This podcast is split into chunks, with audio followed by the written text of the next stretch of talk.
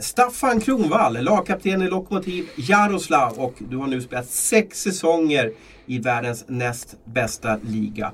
Välkommen till podden. Tack så mycket, trevligt. Du, eh, kan du mycket ryska?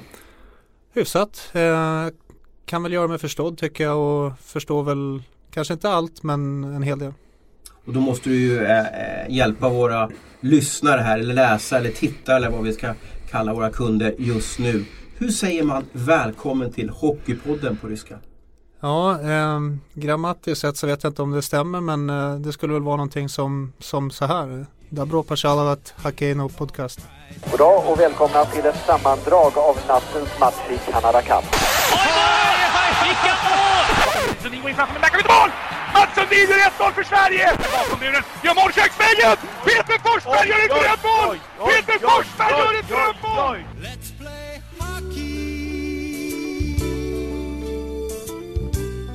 När jag googlar dig, för man måste ju liksom göra research innan en, en intervju eller, eller en sån här podd, så står det att du kallas för Starre och det stod på Wikipedia.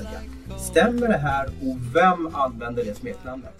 Ja det stämmer, det är inte så aktuellt kanske idag utan det är väl egentligen barndomspolarna som drog igång det där för herrans massa år sedan som, som lever kvar men träffade Mario Kempe på landslagssamlingen igår och han, eh, han luftar fortfarande Starre så det var lite förvånande men jag vet att eh, ja, det finns några som, som fortfarande an, använder det. Och är det att man eh, tycker att det är jobbigt att säga Staffan då? Att Starre är lite lättare i munnen? Ja, jag antar det. Ehm, ja, då blir det som en förkortning antar jag. Vad säger man i Ryssland då? Vad har man för smeknamn där? I, I Nordamerika så blir ju gärna, jag kan tänka mig att brorsan kallas för, för Kroner eller någonting sånt där. Ja. hur, hur, hur, när man ropar på en kompis i ett hockeylag i Ryssland, hur funkar det då?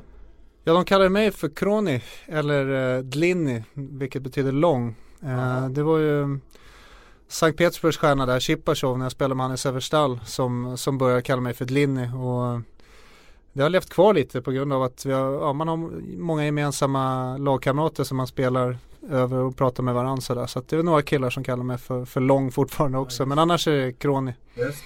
Men är det bara du som rycker på axlarna och börjar prata med honom? Eller, eller alltså den långe? Det känns som att det kan vara många som är lång. Då, som kan ja, jag, Är jag, du längst i ditt lag?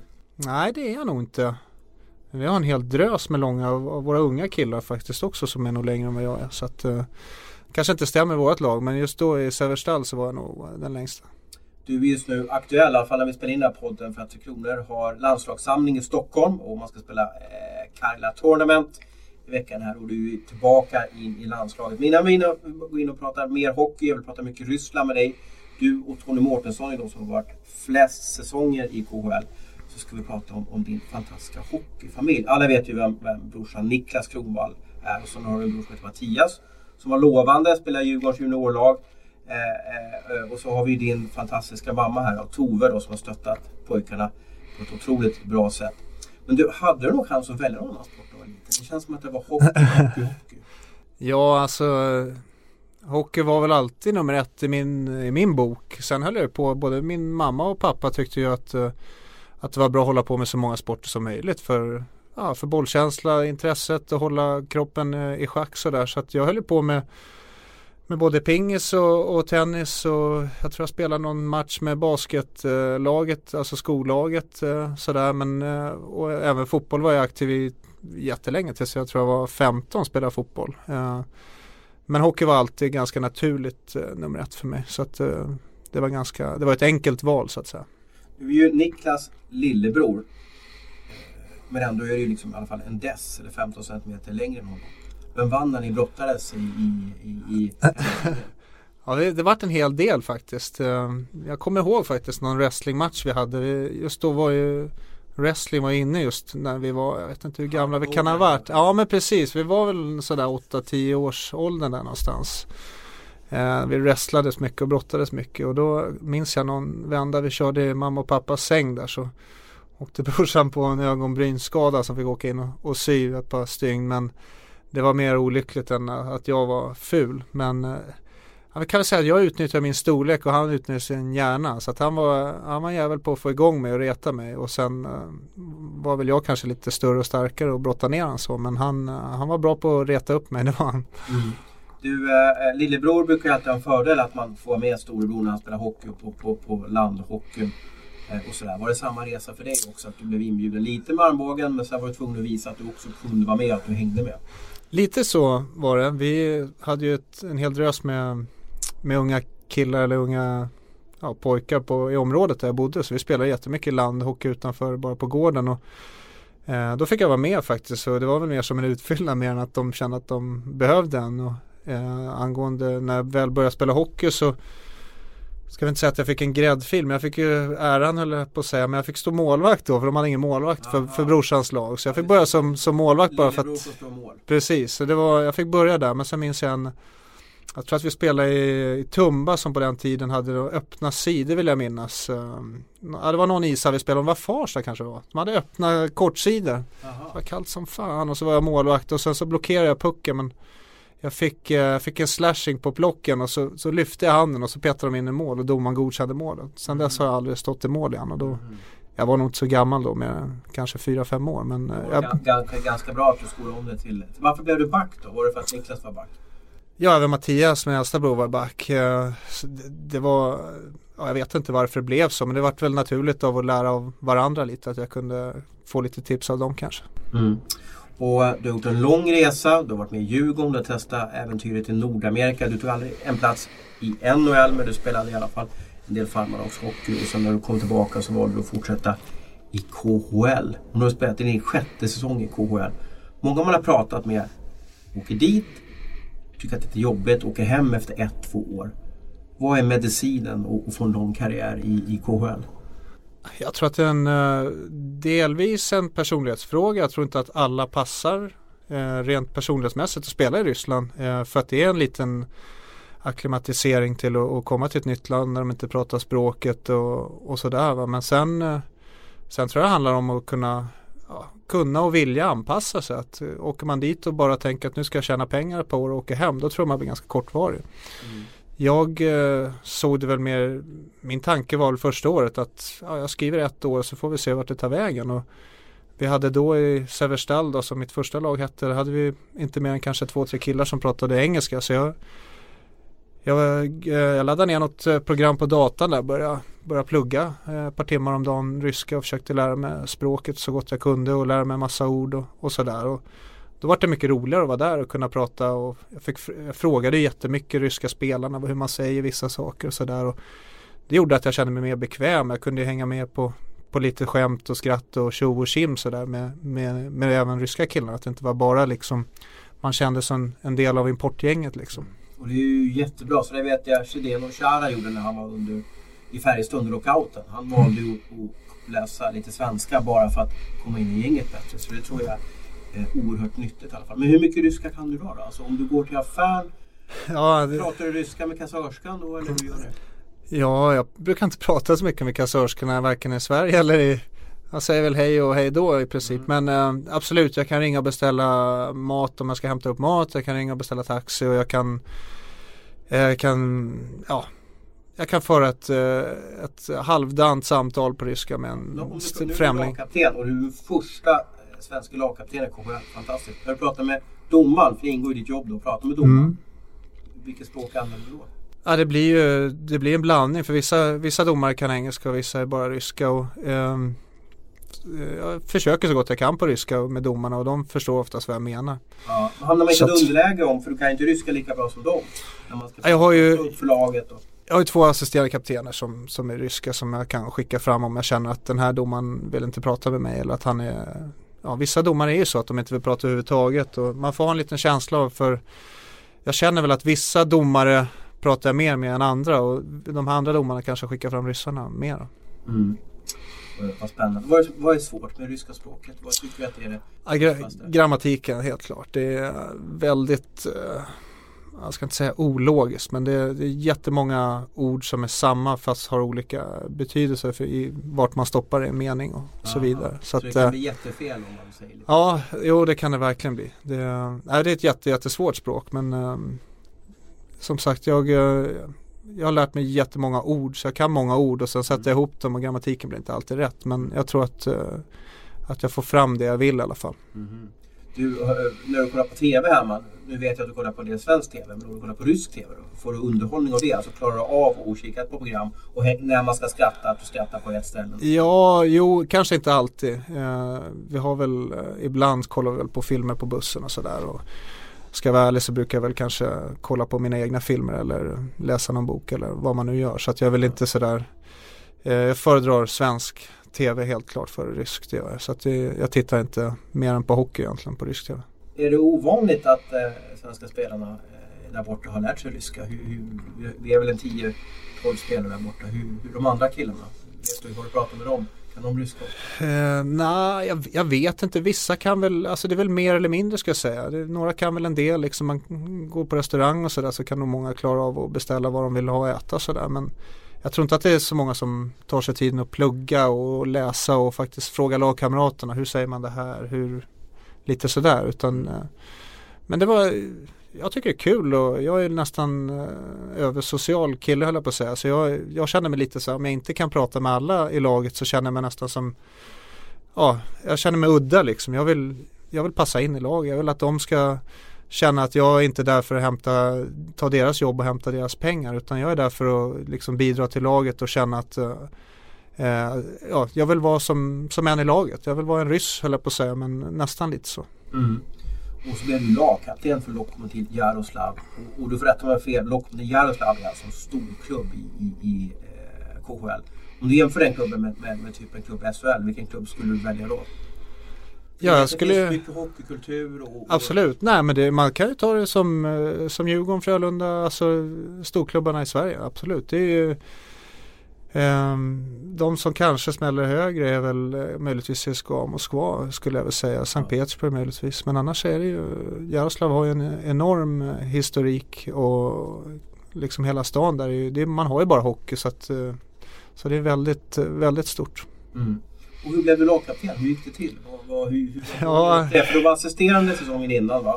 Och sen ja. blev du lagkapten, är det två år sedan nu? Ja, det här är andra säsongen jag är kapten. Ja. Ehm, egentligen hade vi ju Även mitt, mitt andra år i Jaroslav så ville coachen och sa att du, jag, jag vill ha dig som kapten i år sa han. Och då sa jag, alltså, Tom Rowe, han är general manager i Florida nu. Han sa du ska vara min kapten i år. Då sa jag, du kolla det med presidenten bara innan för att Aha. jag vet att eh, Är han amerikan eller kanadensare? Eh, Tom Rowe är amerikan. Eh, så att han sa det men då sa jag att kolla det med presidenten för jag tror att eh, att de gärna har en, ser en rysk kapten för att det är en klassisk anrik klubb så här så att eh, de brukar oftast gärna se att det är en rysk kille och jag, jag sa till honom att sätter mig kapten eller inte, du får, du får samma kille, du får samma människa. Jag, tror, jag försöker inte låtsas vara någon annan bara för att jag är kapten. Och då, då gick han och så pratade med presidenten och så sa han nej det får absolut inte vara någon importspelare som är, som är kapten. Och då, ja, då vart det en annan kapten då. Eh, och jag har inga problem med det. Jag känner ju liksom, som jag sa, jag är, en, jag är samma kille ändå. Mm. Och sen nu när vi fick, vi fick en ny tränare här förra året då och då sa han att du, du ska vara min kapten och då sa jag det kommer inte hända för, för presidenten kommer säga nej bara så att du vet. Men då sa jag, det har inte han med att göra, jag bestämmer så. Okay. Tränaren då. Så, Får du fortfarande din lön? Ja, jo då, än så länge. Ehm, ja, och då, så, då sa han att ja, men jag vill att du ska vara kapten och vi kommer ha en röstning i laget om vem som ska vara det dessutom. Så att um, då, då var det på försäsongen och sen innan säsongen så hade vi en röstning i laget där killarna fick rösta vem de tycker ska vara kapten, assisterande och så vidare och då föll rösten på mig. Hur många röster fick du? Var, var det vet jag inte. Det vet jag inte och jag vet inte om eh, den där rösträkningen var korrekt arrangerad heller om jag ska vara ärlig. Utan I och med att tränaren visste att jag skulle, eller ville att jag skulle vara så så vet jag inte ens om de räknar rösterna eller på att säga men eh, ja, han sa att rösterna var räknade och att jag mm. var den så, så. Gillar du att vara kapten? Alltså, en del blir ju hämmade av att vara kapten. En del tycker att det är helt okej att vara kapten. Hur, hur är du? Jag har aldrig sett... Du var eh, för kronor som vann guld här 2013. Ja, nej, jag eh, som jag har sagt eh, ett par gånger nu är att jag ändrar mig inte som person bara för att jag får ett C på bröstet. Att visst att eh, kanske vi liksom innan säsongen man behöver ha något tal och vid nyår och vid lagmiddagar och, och man ska skaka hand och prata med domaren och så här. Men men mig som, som människa och som person kommer inte ändras. Liksom jag, jag, tycker att det finns ingen rätt väg att, alltså här ska en kapten vara utan man måste vara sig själv och utser någon en till kapten så måste man, då utser man den personen som du är då till kapten. Inte för den som du skulle kunna Ja, jag, jag som tränare skulle inte vilja att min spelare ändrar sig bara för att jag utsätter han till kapten utan jag utser han till kapten för den personen och spelaren han är och då vill man att det ska vara så. Varför tror du att du är en bra lagkapten? Varför tror du att den här tränaren att du skulle vara kapten? Jag tror väl i grund och botten så tycker jag att det är löjligt roligt att spela hockey.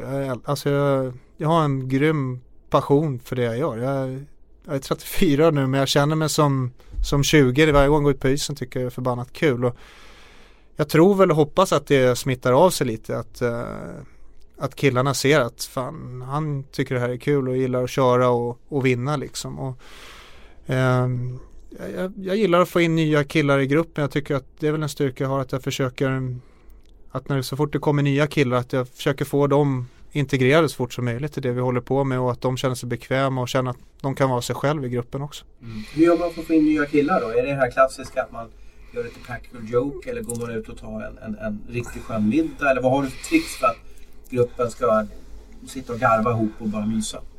Ja, återigen, jag har inga tricks utan jag är bara mig själv egentligen. Jag, eh, vi kommer till exempel kommer gå ut och käka middag med laget ikväll, eh, en sväng. Och eh, Egentligen handlar det väl bara om att ha en avslappnad miljö för killarna och känna och snacka och integreras, prata med de andra killarna i gruppen. Sen om, om det är någonting spelsystem och sånt där, det tar man ju vid rinken. Så att mm. Det viktigaste är väl nästan att man sitter och snackar vid, vid frukostar, luncher, middagar och känner att Ser alla kanske? Ja, men lite sådär. De, har, de är kanske lite nervösa och spända och, men så fort så fort man ser varandra i duschen höll jag på att säga men, men liksom vi är ju bara människor allihopa oavsett om du har spelat eh, 200 landskamper eller om du har spelat en. Så, utan vi, vi är alla bara människor egentligen. Är tillbaka till Jaroslav. Hur stor är staden förresten? ja, det, det bor väl ungefär 600 000 i stan men den känns ganska liten. Jag vet inte hur jag skulle jämföra. Nej, nej, nej, den känns mycket mindre när man är där skulle jag säga kanske Gävle, någonting sånt. Uh, känslan av att vara där. För centrum. Så gäspar man när man åker igenom då har man missat hela stan nästan? Ja, nej inte, nej, inte riktigt så. Men liksom centrum, det är Ja, vi har väl någon gågata och något köpcentrum liksom och sen är det lite utspritt och man får ingen liksom kanske centrumkänsla. Nej.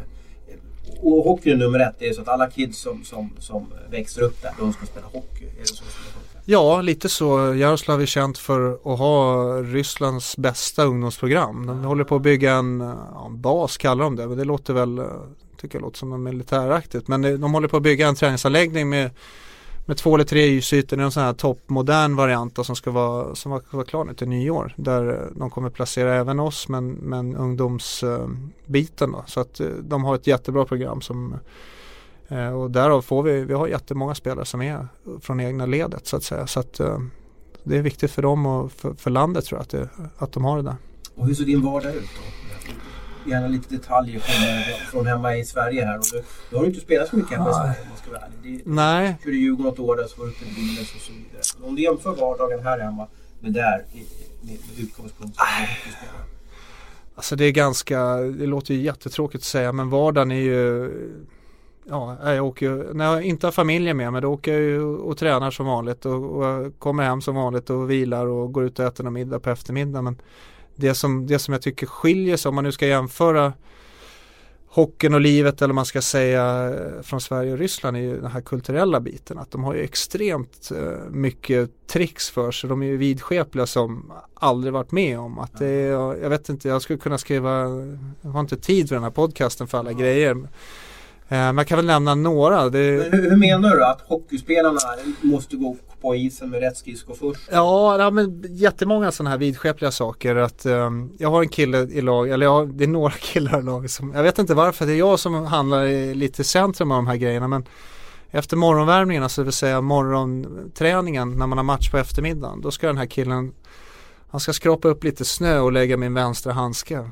I din vänstra? Ja, efter när vi sitter och stretchar då ska han lägga den i min vänstra handske. För han gjorde det någon gång och då hade han gjort mål. Och sen dess har han gjort det. Vi är nog inne på tredje året nu som han gör det här. I där du ska stoppa in din hand alltså? Ja, jag sitter det efter träningen. Men då liksom, jag låter ju han göra det. För att jag vet att det här hjälper ju han. Men det du hör ju hur sjukt det låter. Och samma kille han han stoppar även lite marmelad i min, i min jackficka innan, när efter, vi åker till hotell och så sover vi på hotellet innan match. Mm.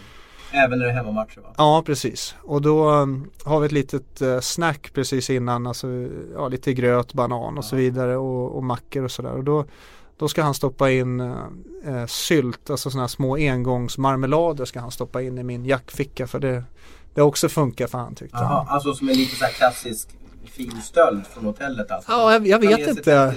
Ja, det började med, med att de skulle skoja lite med mig och så gjorde han en bra match och så, så bara liksom, ah, nu måste han göra det där. Men du Staffan, du tror inte att det här bara är ett skämt då från honom och hans sida? Nej. Dumma svensken. Nej, jag, jag vet ju, jag ser ju när han gör det utan det är mer för att han själv ska få lite sinnesro tror jag. Att, Ja. ja. nu har jag gjort det här för nu har jag förberett mig på alla sätt jag kan. Jag tror väl alla hockeyspelare är ju ja, vidskepliga eller ru- har rutiner. Man får ju kalla det vad man vill. Jag gör ju samma sak innan varje match bara för att liksom jag vet att jag själv ska vara förberedd för matchen. Men jag har ju inga sådana här tricks utan det är väl snarare så att jag värmer upp en viss tid, jag stretchar en viss tid, jag börjar klä på mig en viss tid. Och har ingenting med om jag, Vad har du gjort? Varför tror du att eh, ryska hockeyspelare är mer vidskepliga? För Jag håller med om det. Om man, jag har ju varit i många landslagsomklädningsrum. mm. Och kommer man i en rysk omklädningsrum så sitter det fullt med bilder, det är amuletter, det ser nästan ut som ett, en vissa kan nästan ut som någon typ av tempel Ja. ja. platser. Mm. Och då känner man att eh, varför här? Jag, jag tror ju bara att det kanske har någonting med religion. Absolut, så är det ju. Den biten är, har ju bara med religioner. Alla har ju, nästan alla har ju med sig en liten tavla av någon, ja, i det- från deras religion där, om det är, vem det nu kan vara, men, jag på säga. men det är olika bilder i olika fakta. Men eh, de brukar pussa den där och göra något korstecken och, och lite sådär. Och sen, eh, de är ju jä- jättetroende människor, det har jag full respekt för. Alltså? alltså, du är ju lagkapten för då måste man ju också ha stor respekt för, dem. Absolut, det där är ju deras religion. Det är ingenting som jag går in och petar eller skulle jävlas med. Utan det där är ju deras tro. Så att eh, det, det måste ju de få göra. Speciellt i och med att jag är, jag är i deras land. Så att eh, om någonting så får jag anpassa mig till dem kan jag tycka. Eh, nej men det, de har ju väldigt mycket Ja det är extremt. Varje gång man åker förbi en kyrka ska man göra ett korstecken och, och så här. Vad säger du när du inte gör det? För det är ju de här kulturella skillnaderna som gör kanske att svenskarna inte kommer in i gänget. Hur, hur, hur ser du när ditt omklädningsbås är helt tomt och att när du inte gör som en ryss? Jag, jag tror de har eh, full respekt för det för de vet ju att vi inte har samma tro och det, det tror jag faktiskt att de inte tycker är konstigt alls. Vi hade, något år hade vi någon press som kom in och liksom skulle välsigna eh, omklädningsrummet och han kastade lite så här heligt vatten på allas platser och på klubborna och så här. Och för att välsigna laget och, och spelarna och allt sådär inför säsongen. Och, eh, vi importer då, eller som inte har samma tro, brukar då inte, när han går igenom från spelare till spelare så får man göra, kyssa korset och göra någon sån här tecken då att Ja, så att han välsignar dig då. Då brukar, de, brukar man avstå det som import eller man har valet att avstå. Då, I och med att det inte är våran tro så tycker jag mer, mer att det För min del känns det inte Det känns inte rätt att Att göra det när jag inte, det är inte min tro. Så varför skulle jag Och det har de full respekt för. De, de tycker inte att det var respektlöst att de inte tror på samma som oss. Mm. Du, ja, det var intressant. Eh, eh, Och då fick ni en bild lite, den har förstärkts lite. För jag har reagerat på när jag kommer in i ett ryskt omklädningsrum att det, det ser mer ut, som- ser nästan ut som en maskerad ibland kan jag tycka. Olika saker. Ja, Då förstår jag varför. Att det här är en del av deras uppväxt. Att man ska ha starka ritualer och man ska fortsätta med det i alla fall. Sen det är ju Lattjo om den här marmeladkillen om vi kallar honom för det. om alla skulle börja göra så här med dig. Det skulle bli roligt. Hur, hur, hur alltså ja.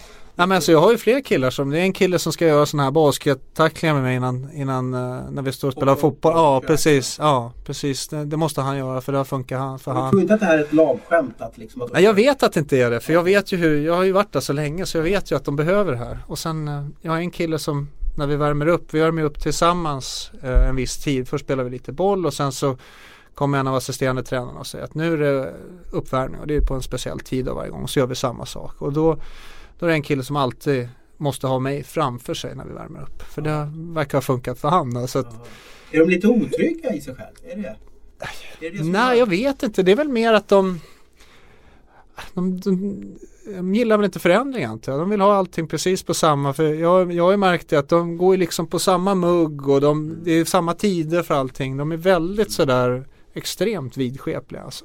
Och då är du, du förstår ju att du, du går hem med det här landet och du är en bra lagkapten för att du Vissa kanske spelare skulle säga men bort med dig. Jag vill inte att du ska stå och tackla mig. Ja. Jag vill fokusera på mitt.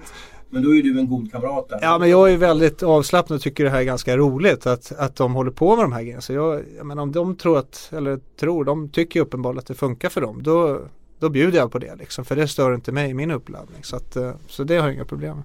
Om du jämför med Sverige då. Ni, ni, ni morgonvärmer ju precis som man gör i Sverige. Hur mycket tränar ett ryskt lag jämfört med ett svenskt lag? Och är träningen annorlunda?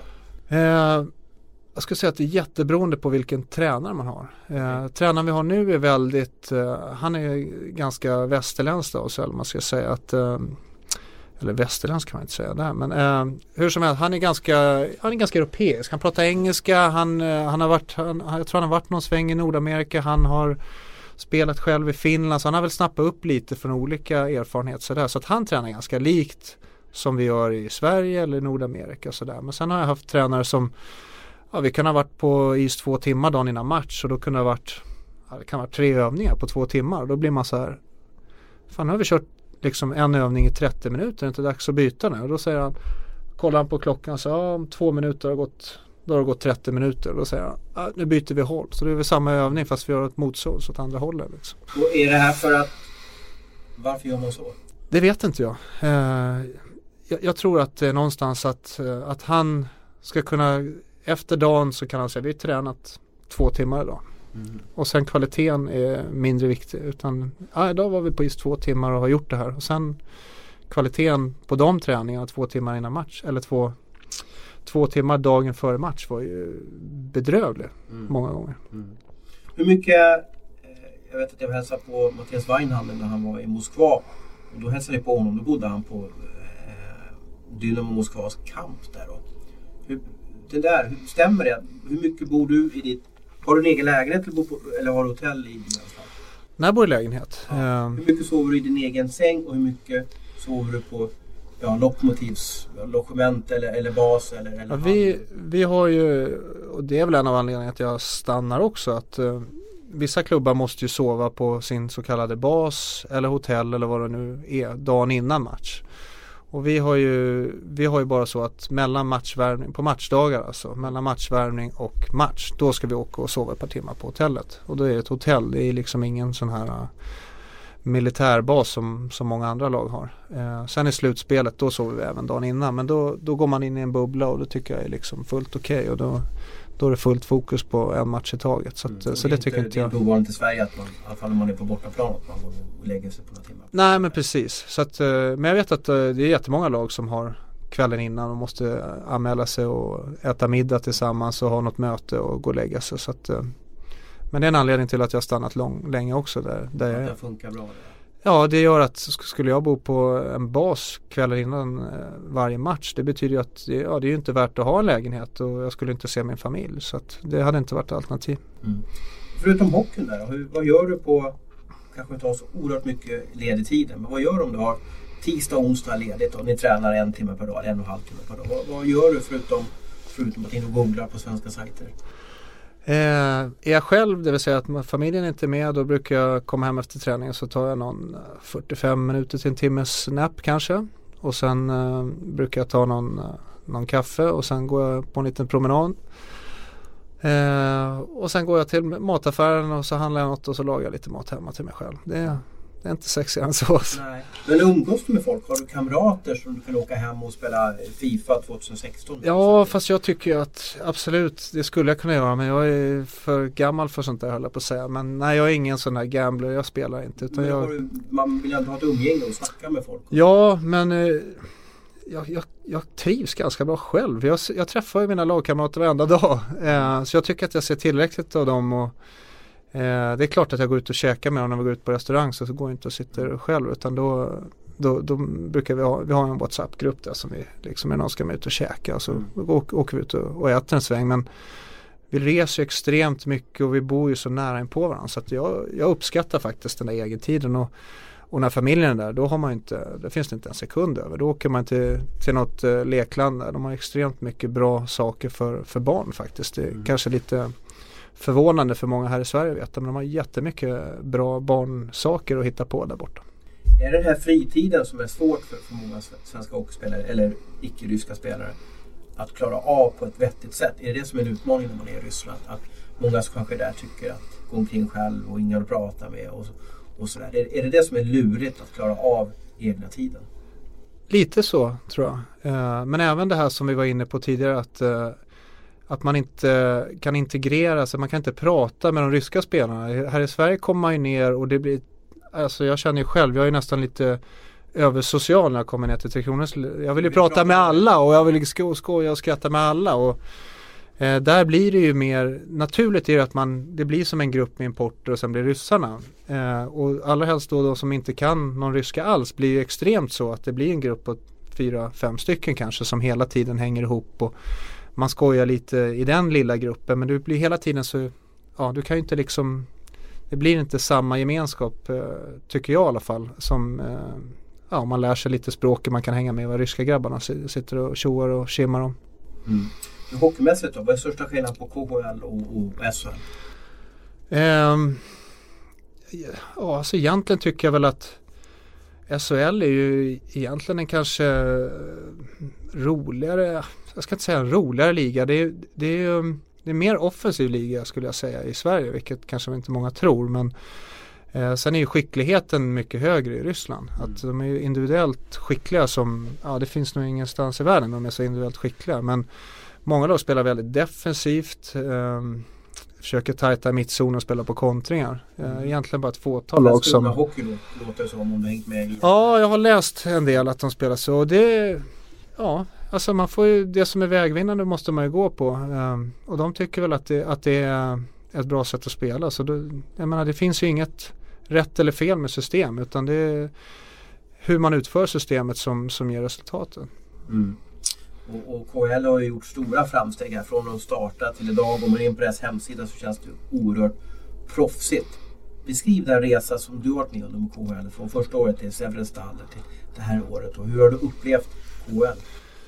Det har ju utvecklats enormt. Alltså den största skillnaden skulle jag väl säga på de här ja, det här är inne, jag är inne på mitt sjätte år som du sa. Så på de här fem åren kan man väl säga den största skillnaden är väl att att ligan är extremt mycket jämnare än vad den var då. Då var det liksom, man visste på förhand i princip vilka lag som skulle gå till slutspel och vilka som hade chans att vinna. Och idag, idag är det egentligen bara en två, tre lag som, som känns som att äh, de där, de är liksom för dåliga.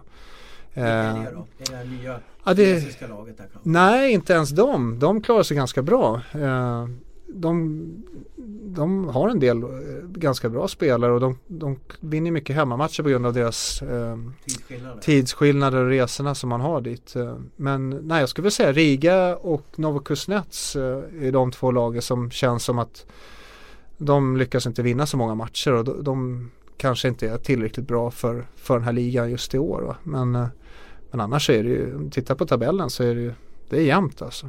Mm. Så det är väl största skillnaden. Sen tycker jag en utveckling i landet Ryssland också. Att de hotellen man åkte på det första året Severstall, då var man inte skitkaxig liksom. Det var ju knappt så det fanns internet och det var rum som Ja, man fick ju sova med träningsoverall ibland för att det var så kallt liksom. Det är den bilden vi har lite. Det var någon hockeyspelare för många år sedan som sa att de skulle till en bortamatch. Om de landade så var det typ ett tält som stod bredvid landningsbanan. Det fanns inget mer. Det var ja. ingen riktig flygplats. Alltså... Nu är vi kanske media bra på att fokusera på de här liksom extrema bilderna av, av Ryssland. Men hur, hur, upplever du att det är? Finns det en sån här landningsbana med typ bara ett litet hus som står bredvid? Ja, alltså vår, våran flygplats är inte kaxig alltså, det kan jag ju säga. Det, sen är det ju inte bara ett litet hus men ja, det är klart vårat det här rullbandet som kommer ut med det är ju liksom fyra meter långt liksom. Okay. Så att det är, det är inga stora plan som flyger där men uh, det finns en del flygplatser som är väldigt små och, och sådär men Alltså städerna, alltså hotell, vissa lag har ju fått nya hotell som är jättefina liksom, alltså sådana stora kedjor där, där man tidigare bodde i liksom, ja, knappt vandrarhemskänsla liksom. Så, att, eh, så, så, jag tycker nu är det ju bättre än vad det varit någonsin mm. faktiskt. Hur är publiken då? Det, det finns en del som brukar ha synpunkter på att det knappt har folk på matcherna i KHL då. Att Moskvalagen har svårt att locka folk. Ser du på, ja. vad är det för publiksnitt ungefär och hur ser du på intresset för KHL i Ryssland? Jag eh, kan egentligen bara tala om hur vi har i Jaroslav. Vi har ju utsålt varenda match. Vi, hur många är det då? 9000 ungefär. Okay. Och vi brukar ha grym stämning och bra atmosfär och, och sådär. Eh, sen klart att man kommer till eh, vissa andra lag som man tycker bör ha lite folk. Men jag har ingen bra förklaring till varför de inte kommer faktiskt. Jag vet inte. Är det För, Moskvalagen som har tufft fortfarande, eller hur? ja, de har väl okej men det är klart att man kan önska sig. Jag menar Moskva är en stad på 20 miljoner men de kan inte få in 10 000 på, på matchen. De har väl ett snitt kanske på 6-7 skulle jag gissa. Men jag tycker väl att har man 20 miljoner invånare borde man kunna locka fler. Men, och jag vet att biljetterna är inte dyra. Det kostar ju liksom, det är knappt 100, ja det är inte ens 100 kronor per biljett tror jag. Jag tror problemet är, nu har jag bara varit i Moskva tre, fyra gånger, men du vet ju inte när det är match. Nej, Om du nu ska ta dig till matchen kan det vara en tunnelbana på, på tre timmar. ja, Det är ju helt bisarrt, alltså svårt att kunna logistiken där är extremt. Ja, så det tror så jag är. Moskvalagens problem i alla fall. Så kan det vara. Men du, till, till Lokomotiv då, till deras, är det som en är det en Djurgårdspublik, alltså med en stor ståplats? Eller är det mer NHL-mässigt att alla sitter ner eller hur? Nej, vi har en klack som är på eh, egentligen hela kortsidan eh, bakom motståndare. Förstår du ramsorna? Ja, det är det. Är, de är inte så komplicerade faktiskt. Jaroslav 1, 2, 3? Ja, men typ, ja. ja. Det är som klass 1? Ja. ja. Nej, det är inga komplicerade grejer. Men de, nej, de gör ett tappert eh, jobb varenda match faktiskt. Men i övrigt då, som, som de andra ryska lagen som är liksom lite på landsbygden. Hur, hur, hur ställer de upp för sin, sin klubb och är, säljer de ut sina arenor också? Nej, jag tror inte att det är så många som, som säljer ut. eh, Jag hur, hur tror, klarar ligan gå runt då? ja, det tror jag inte de gör. Okej. Jag tror inte vi klarar, vi går nog inte runt. Nej. Alltså jag får inte ihop det om, om, bara om jag tittar på våra löner gentemot hur mycket de fick, eh, får in i publikintäkter så Nej det är ju stora sponsorer som går in och hur det där funkar det vet jag inte men någon förlorar massa pengar. Det kan jag säga redan, redan här och nu. Jag tror att Ryssland också är lite uppbyggt, eller jag vet att Ryssland är uppbyggt på att kultur är viktigt. Mm. Man vet att Ja, det är politiskt, kultur. ja, och Precis, politik. Man ser det som en investering att vi berikar folket med hockey i, i landet och då ser man det som en del av en kostnad. Då. Ja egentligen all sport. eh, De lägger ju extremt mycket pengar på sport i Ryssland och de, jag tror de ser det som, som jag sa politiskt att de tycker att är Ryssland starkt sportmässigt i arrangemang utomlands och så här det, det får Ryssland att se starkt ut och det lever ju tillbaka jättelänge. Vad ska KL göra för att ta nästa steg då och, och, och att ja, bli en bättre liga och bli en liga som kanske vi i Sverige väljer att följa mer? Hur, hur, vilken väg ska de ta? Nu har de ju valt att annektera ja, eh, Lettland, de har Kina, eh, de var ju nere i Tjeckien också med Mm. lag och så vidare. De försöker ju kika på liksom länderna runt omkring och, och Jokerit framförallt. Hur ska man göra tror du för att, för att få den att ta nästa steg? Eh, Det är en superbra fråga. Jag vet att de tittar på lösningar hela tiden. Jag har hört det ryktas om London, Hannover, Milano. Alltså att det är jättemånga lag som, som är uppe på tapeten. Men även Stockholm har ju haft eh, sådär. Men jag, ja men precis. Eh, jag har ingen riktigt bra svar på det egentligen. Jag tycker att det är en, en svår fråga men för att göra, svara på den frågan du sa om göra ligan bättre så tror jag egentligen att vill man göra ligan bättre så skulle man ju släppa på importplatserna. Då Okej. att man får ha hur många man vill. Men då, det kommer aldrig hända. Vi får ha fem. Fem. Och sen får ju de utländska lagen, det vill säga Riga, Joki, de får hur många, de hur många som helst då. Mm. Men det tror jag inte är bra heller utan det måste, jag tycker att det är bra att det finns något visst tak att man inte tar in Alltså jag förstår ryska utvecklingen, de behöver ju få fram sina unga killar och det är därför de har valt att ha ett tak. Att, att det inte är mediokra spelare som kommer och tar platser från unga talanger. Eh, och det finns extremt mycket talang i, i Ryssland som, som till och med inte spelar i KHL. Så, att, eh, så jag tycker väl egentligen så är det ganska bra nivå som det ligger på. Men för, eh, för att göra själva ligan bättre så Ja, jag har, det är en svår fråga. Mm. Men tror du att ligan, eller egentligen så tycker man att ju mer intressant en liga är desto bättre tycker man kanske ligan är. Lite om man ser det från, från en vanlig Svenssons synpunkt. Skulle ett svenskt hockeylag, alltså i KHL, baserat i Stockholm, skulle det hjälpa ligan eller tror du att Sverige skulle vara så iskallt mot den här ligan så det skulle sänka ligan? Hänger med i frågeställningen? Ja, jag förstår vad du menar. Eh, jag tror att det skulle höja intresset på KHL eh, ganska, det skulle vara kul för, för den ryska befolkningen, för den finska befolkningen, för den lettiska befolkningen att det kommer ett lag från Stockholm och spelar där. Jag tror inte att Sverige skulle gynnas av det. Jag tror inte att man skulle få ihop, eh, man startar ju om ett lag från noll och då ska man bygga upp en fanbas som ska bestå av vad då? Jag vet inte. Alltså ska det vara en blandning mellan Djurgårdare, AIK och Färjestad. Alltså förstår jag menar? Att jag, eh, det finns en extrem historia i Sverige som jag tror är svår att rucka på. Mm. Och sen så tycker jag SHL står sig extremt högt runt om i Europa. Så att, eh, jag ser nog ingen anledning till att de ska ge sig in där. Sen eh, ur ryska mått mätt så förstår jag varför de vill få in ett lag. Mm. Hur många lag är man idag i KHL? Har du den siffran i huvudet? Eh, jag tror att man är 30 faktiskt. Är det ett bra antal eller, eller ska man gå ner till 20? Eller, eller ska man... Alltså om, skulle man gå ner på 20 så skulle det vara en extremt hög klass på ligan skulle jag säga. Eh, då skulle det vara verkligen eh, tajt och, och sådär. Eh, som jag sa, det är egentligen bara två lag som har halkat efter i år och, och det visar ju på att det är en stark liga. Så att, mm. Eh, jag tycker väl någonstans att, eh, att de, de, kan, de har kapaciteten att ha så många lag, absolut, mm. det tycker jag nog. Mm. Sen är det inte alltid kul att åka bort till Kina och Vladivostok och Habarovsk där som är Ja det är en 12 timmars flygresa med 7 timmars tidsskillnad. Det, då är man inte så kaxig när man spelar där. Hur, hur, gör man det? Om vi pratar om, om resor där. Hur gör man för att överleva de här långa flygresorna? Ja, hur gör man? Eh, är det långa flygresor? Alltså, hur... alltså de, den när man åker där till Kina, Vladivostok och Habarovsk som är de längsta resorna. Då är det ju man är ju snurrig i kolan och vad man än gör. Hur många timmar är det då? Jag säger, skulle vi flyga från Jaroslav då skulle det vara ja, ungefär 11-12 timmar. Och då måste man stanna halvvägs. Efter 5-6 så stannar man och tankar. Ja. Och, det kan, och sen upp igen och så kör man 5-6 Men är det en lång, bisarrt lång bortatripp per säsong? Nej, två kan man väl säga nu när Kina har kommit in också. Så vi, vi har ju varit vi har ju betat av båda dem. Vi var ju i, i Vladivostok och Habarovsk var våra två första matcher. När flyger ni in till, till Habarovsk? Alltså hur långt innan ja, då, Ja, vi kom ju den matchen så kom vi på kvällen kanske vi vi, det är lite svårt att säga. Vi lever ju efter lokalt, eller inte lokal tid. Vi lever efter Moskva, Jaroslav tid alltså. Mm. Så vi försöker ha, så vi kom in kanske vid sju våran tid, alltså i, i Jaroslavs tid. Så mm. vi försöker hela tiden ha på samma tid så vi inte ställer om klockan. Mm. Och vad är ni där på natten då? När går ni lägger och sådär liksom?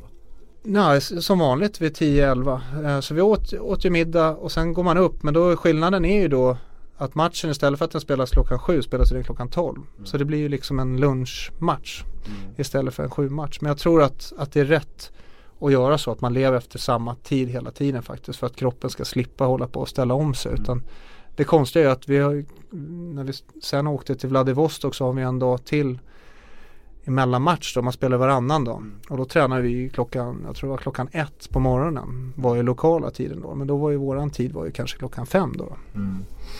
Det är ett gigantiskt land. Ja det är det.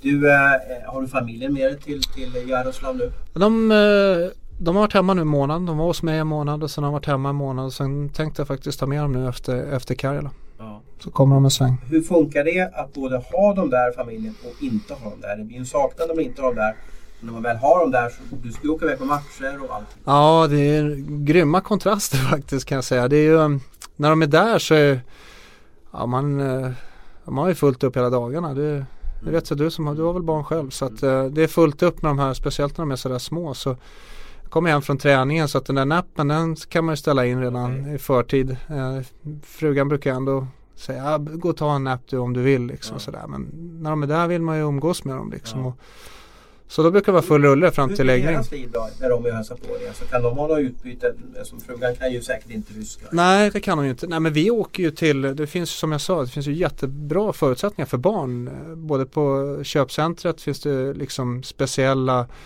rum för barn, speciella lekplatser och jättemycket sådana grejer. De har kaféer där, där man kan sitta liksom uppe, våning, våning ett sitter man och fikar och så har de kameror och så har de som en barnskötare där nere där det bara är lekyta för ungarna. Mycket energi som, som, som, som behövs, ja men precis. Så att, eh, men man själv är ju helt slut höll på att säga. Man går ju och lägger sig vid nio när ungarna är där. Och sen, mm. Eh, sen när familjen inte är där då är det snarare tvärtom. Sitter man och stirrar i taket och så, ha konstigt det blev. Och, eh, sitter och kollar på, på serier eller på tv eller och pratar telefon hela eftermiddagarna. Mm. Men man försöker sova ikapp lite. Man sover inte lika bra när man har ungarna där. Man har ju två små knattingar som inte sover hela nätterna. Så att... ja, hur gamla är barnen nu? Jag har en som är sex månader här snart och sen är den andra två och ett halvt. Ja just det, då kan jag nog berätta för dig som en erfaren far att det är nog kanske en dryg Say hello to a new era of mental health care. Cerebral is here to help you achieve your mental wellness goals with professional therapy and medication management support. 100% online. You'll experience the all new Cerebral Way, an innovative approach to mental wellness designed around you. You'll get a personalized treatment plan from a therapist, prescriber, or both in a safe and judgment free space. Your cerebral therapist or prescriber will outline a customized plan with clear milestones along the way so you can get to feeling your best. With Cerebral, you're not alone in your mental health journey. We're here to empower you to live a fulfilling life. So take that first step towards a brighter future and sign up today at cerebral.com slash podcast and use code ACasts to get 15% off your first month. Offer only valid on monthly plans. Other exclusions may apply. Offer ends July 31st, 2024. See site for details. Tryggaste ålder som ligger just nu. Ja, ja men Det... det, Kombinationen av en, en liten tunnbrödsrulle som kanske rullar runt lite och en som, som bara springer runt överallt. Ja, men det är bra att, du- att, att du säger att det finns en ljusning där borta. Men du, eh, eh, för att vara lite allvarlig här Staffan också. 2014 var det, det var de första barnen som kom då. Jajamän. Eh, vad hände då? Det var lite tråkigheter med var det födseln som inte gick som planerat? Ja, ja. Jag vet frugan, eh, jag landade, jag skulle åka hem för OS-uppehållet då. Och tänkte det ska- va? Precis. Eh, så vi fick väl, jag skulle få en fyra, fem dagar ledigt där och eh, jag åkte hem från, från Jaroslav och jag landade på, på Arlanda så, så kom min mamma och hämtade mig. Och det var lite konstigt för det var min fru som skulle komma och hämta mig. Men då sa hon att ja, hon har blivit inlagd på sjukan och haft en mindre blödning och eh, det är inget farligt sådär utan det är nog bara liksom en rutinkoll liksom. Eh, Så vi åkte direkt till sjukhuset och, och då sa de att ja, men vi, vi blir inlagda där över natten av säkerhetsskäl då. Eh, och sen eh, Ja, det, hon var väl i vecka 31 tror jag då. Och eh, gick vattnet där på morgonen efter. Tänkte vi, vad, vad är det som händer liksom så här? Är det här vanligt och så här? Och då sa de att ja, nej det här är ju det är inte så vanligt men nu får du vara sängliggande två månader tills ungen kommer sa de. Vadå, får jag inte ens gå upp liksom? Nej, det är infektionsrisker och, och så vidare. Så att hon skulle vara sängliggande då i två månader sa de. Eh, och sen tog, tog det inte mer än två dagar egentligen. Och så vart det, jag skulle hjälpa henne på muggen då och så bara sa hon du, jag hörde att det var något som en smäll liksom. Någonting som hände och då sa hon, du kan du, kan du titta i muggen om det ligger en unge där liksom. Eh, och då, det gjorde det ju inte som tur var utan eh, det var bara en fors av blod. Och då vart det ju liksom lite panik och så här. Så vi, ja det, det var ju nästan, ja det var helt overkligt. Eh, så då var det ju, ja på den här panikknappen skjutsades ner. Eh, och man hittade inte hjärtljud då på, på grabben. Och sen var det så ja, olyckligt eller vad man ska kalla det att eh, hon, hon sa ju då att äh, det är fullt på förlossningen. Eh, så ni ska, ni ska åka till Huddinge. Mhm. Säger de. Varpå min fru blir helt vansinnig. Hon känner ju att det är någonting som är fel. Ja, vi är ju på ett sjukhus. Hur, varför ska vi åka någon annanstans? Det är någonting som inte stämmer. Och då kom man ner och så stod de och packade ambulansen där och, och hon låg ju, ja, jag tror halva den här sängen hon låg på var täckt i blod. Men eh, så kom huvudläkaren i alla fall in eh, precis innan egentligen vi skulle rulla ut på ambulansen och så, så sa vad, vad fan håller ni på med? Ungen ska ju ut nu och då såg ju hon att det var bitar av moderkakan som låg på den här eh, sängen. Eh, så att då var det ju riktigt panik. Jag blir alldeles skakig när jag tänker på det. Men, eh, så då öppnade de en annan dörr och slängde upp henne på, på en brits där och skar upp henne och, och så kom ju ut en livlös unge där. Och du är Ja. med hela tiden och håller handen här. Och, och, Jag fick ju man känner- sitta- Man, kan, ju- man känner sig ganska hjälplös nästan. Ja, jag fick ju sitta i rummet. Det var ju som ett operationssal och så var det ju som fönster däremellan. Eh, så jag fick ju sitta i rummet bredvid där och eh, titta på det här och se när kom ju ungen ut då. Och, eh, ja, han var ju död liksom. Han eh, hörde ju på den här klassiska man ser på sjukhusen att det var ju var ingen hjärtslag eller någonting. Precis. Så de, eh, det var ju sex eh, sjuksköterskor som jobbade på honom där precis bredvid där jag satt och jag tror det var en hel dimma där. Lyckligtvis hade jag ju frugans syster av någon konstig anledning var ju hon på sjukhusen hela henne. Så att hon var väl den som höll mig i schack för jag tror jag, jag satt och höll på att svimma tror jag för jag förstod inte vad som hände. Och sen tror jag det tog två minuter och 17 sekunder om jag minns exakt. Eh, då hörde jag ett hjärtslag. Mm. Så då hade de lyckats pumpa grabben på, på blod då, som han fått i magen. Eh, och då eh, ja, sa de i alla fall att han skulle överleva. Eh, men sen visste de inte om han skulle vara tvungen att åka till Huddinge han också för det fanns inga kuvöser. Ja, det var en riktig historia i alla fall. Eh, sådär men... Vi, vi måste också berätta för Många kanske blir väldigt tagna om att höra det men det har gått bra allting. Är så? Han blev friskförklarad i mars i år faktiskt. Han gick något program i två år.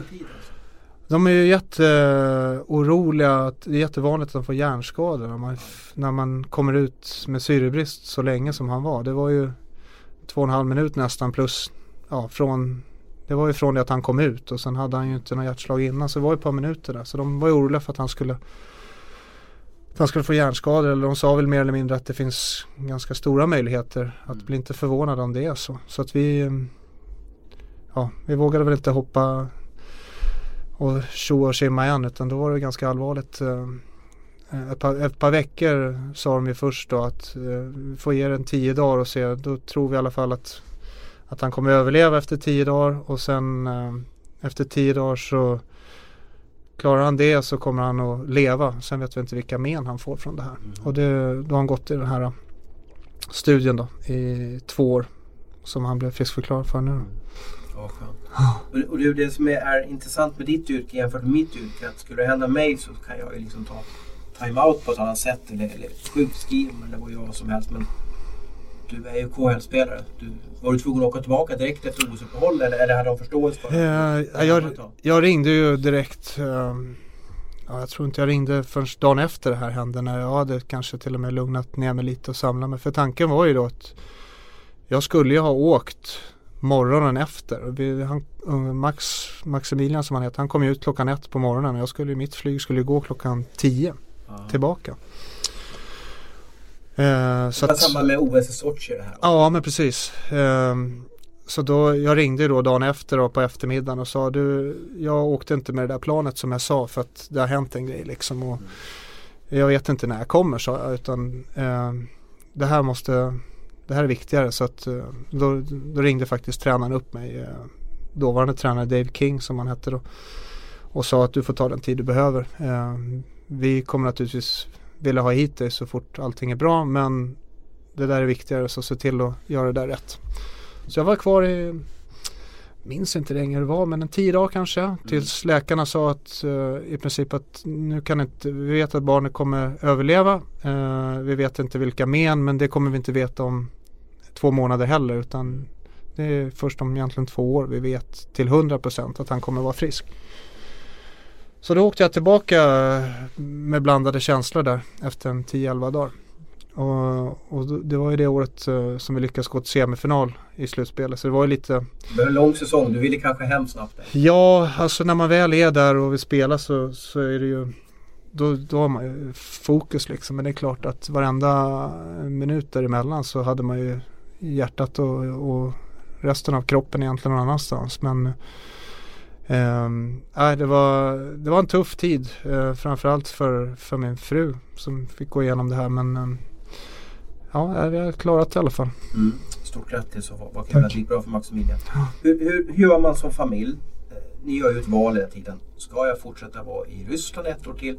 Hur tänker man där? Är, är, är det att det är så mycket pengar så att det är värt det? Eller hur, vad har man för fundering i en familj när man fortsätter en säsong till? För det gör ju, och i Ryssland, för det gör ju att den säsongen till så blir också att familjelivet blir ju inte lika rikt.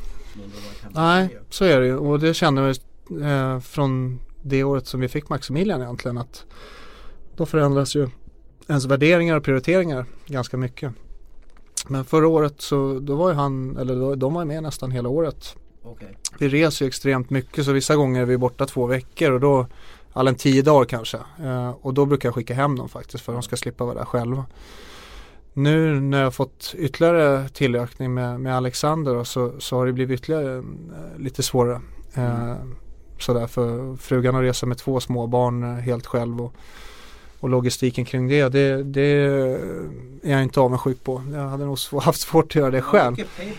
Ja, jo men det har jag och alltså det är, hon är ju helt fantastisk som jag säger det till henne varje dag att jag fattar inte hur du klarar ens en vecka liksom. För jag känner ju själv att jag är helt slut efter en dag och haft ungarna eller ett par timmar till och med så att eh, nej, hon ska ha en jätteeloge och men samtidigt så har jag hela tiden sagt till henne den dagen du säger att det räcker så åker vi, då, då åker vi hem. Då, det, är liksom, det finns ingen vikt, det finns ingen hockey i världen som, som går före min familj. Nej, och ditt kontrakt går ut nu i vår med Jaroslav.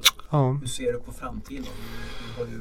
Ja, alltså det är väl eh, den här klassiska klyschan att ta en dag i taget och vi får se vad som händer. Men det är klart att man funderar på vad, vad, vad fan ska jag göra liksom. Jag vet inte vilken, vilken liga, vilken stad eller vart jag, vart jag ska hamna. Samtidigt så, så känner jag ju att det är, just nu trivs jag ju bra där jag är liksom. Eh, och jag vill lägga allt fokus och energi på det och sen finns det dagar där man känner att ja men ja, man kanske ska åka hem och spela Djurgården nästa år. Att det ska vara, det skulle vara bra eh, liksom eh, det skulle vara familjeskäl men även så, så även om Djurgården har börjat dåligt nu så tycker jag ändå att man, man är i början på någonting som, som kanske tar ett par år att bygga upp. Och jag tror väl att när den där resan eh, ja, efter kanske två eller tre år så då är man nog uppe på toppen där och det hade varit kul att vara med på en sån resa också. Mm. Samtidigt så ska jag väl inte sticka under stolen att man blickar även mot uh, att Schweiz skulle kunna vara ett intressant alternativ men, uh, men i Ryssland så sk- skulle det vara så att jag ens uh, funderar på att vara kvar i Ryssland så, så känner jag att Lokomotiv är min, det är min klubb liksom. Där, det är där jag vill vara. Det är mitt, uh, Du måste det är mitt de vara hem. sugna på att förlänga med dig. Du är lagkapten och då vill man oftast, en sån kille vill man ju slå fast att han ska vara kvar. De vill inte bara prata redan nästa säsong men redan nu. Eller, hur fungerar ja. season i Ryssland? Schweiz är ju bisarr för där kan ju nästan en säsong starta och då har två spelare signat ett nytt kontrakt Ja. nästa år med en annan klubb. Ja. Sverige är lite mer hysch-hysch. Hur fungerar det i Ryssland? Nej men de, eh, man börjar ju dialog ganska tidigt. Jag skrev ju, jag förlängde ju vid jul ungefär förra året. Eh, ett år. Eh, och då sa jag det att vi tar ett år i taget härifrån. För att nu är tanken att vi ska få en till barn i sommar och jag vet inte hur det kommer funka och jag vill att frugan ska få känna på det, hur det funkar. Och, så vi tar ett år. Eh, så då, då, då gjorde vi det och så får vi se nu då. Jag vet att, att det finns intresse av dem att att förlänga. Och, Ja, ehm, så vi får, vi får se vad, vad, var vi landar där om, om Ja, jag vet inte. Jag, jag kan inte ta det beslutet idag i alla fall. Så mycket kan jag Du säga. tar det lite säsongen och sen så får du låta gå. Så sitter ni, har ni familjeråd hemma? Funkar det? Ah, Sitter ni och ah. pratar? För man måste ju värdera för och emot. Ni vill ändå, jag kan gissa att ni vill sätta bo och köra igång med familjelivet. Det, det, det är ju roligaste delen av livet. Ja, ja, men det Jag känner ju att jag eh, Speciellt med min äldsta grabb där missar man ju, han är ju i en fantastisk ålder när han pratar och han liksom springer runt och vill spela hockey och fotboll och allt vad det är. Och det är självklart så, så missar jag, det saknar jag ju extremt mycket och jag vill ju Jag älskar ju det här. Jag har ju varit en del av en kärnfamilj själv som har hållit ihop vått och torrt och kanske tajtare än många andra med tanke på vad som hände med våran pappa men eh, så absolut, jag vill inte att, att min son ska känna att pappa inte var där. Utan det skulle jag nog bli knäckt av att höra om han skulle ha sådana tankar.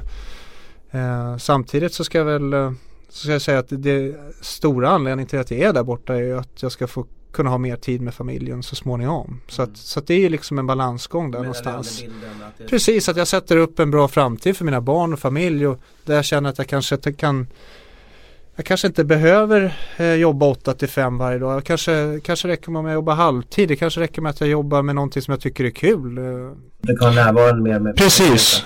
Hur är lönebilden i Ryssland? I, i Sverige så uppskattar jag ungefär att en rookie i tjänar, om man är junior, runt 20 000. När man blir etablerad så har man en lön cirka 80 till 100 ungefär snittlönen i SHL. Och sen har toppspelaren som ligger kanske på 200-250 och i vissa extremfall, tänk på Jörgen Jönsson, Johan Davidsson, så tjänar man ungefär kanske 300 000 i månaden.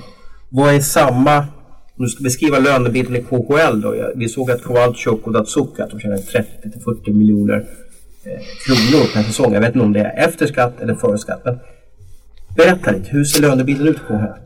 Det finns ju, eh, det finns ju ett eh, bottentak höll jag på att säga, men det finns ju en lönebotten och ett lönetak. Sen har de ju valt att göra så att För varje klubb eller? Att varje, ja, varje klubb sitt har, precis, eh, varje klubb har och sen jag tror att de får fördela det hur de vill inom klubben och sen är ju vissa spelare som de kallas franchise-spelare eller ja, vad man nu får kalla det, men som Kowalczyk, Datsuk, Mosiakin, Radulov när han spelade gick ju inte under det här taket för de tyckte de var så viktiga och värdefulla för ligan. De hade en liten räkmacka. Så de, ja, eller, ja deras lön räknades För inte mot bygga, taket. Bygga ligan. Precis, eh, och det kan väl tycka är okej liksom att eh, eh, Kowalczyk och Datsuk har ju, jag menar ska man jämföra det här spannet så är det ju nästan, ja så det går ju knappt. För jag tror att det här ta eller botten som juniorerna ligger på det är, jag tror att det är 100 000 dollar som är liksom, det är det minsta du kan tjäna om du är 900 000 KHL. Kronor. Är det efter Ungefär. skatt eller före skatt? Ja det är nog före skatt skulle jag tro och då är det 13% skatt i Ryssland. 13 procent bara. Ja. Oj. Så att det är ju, Så att de sämsta tjänar ungefär 900 000 kronor. ja. Och det är en jättestor skillnad. Och, och, och vad tjänar en medelsvensson, alltså, en- alltså en, en, En- en SHL-spelare som kommer över och får kontrakt?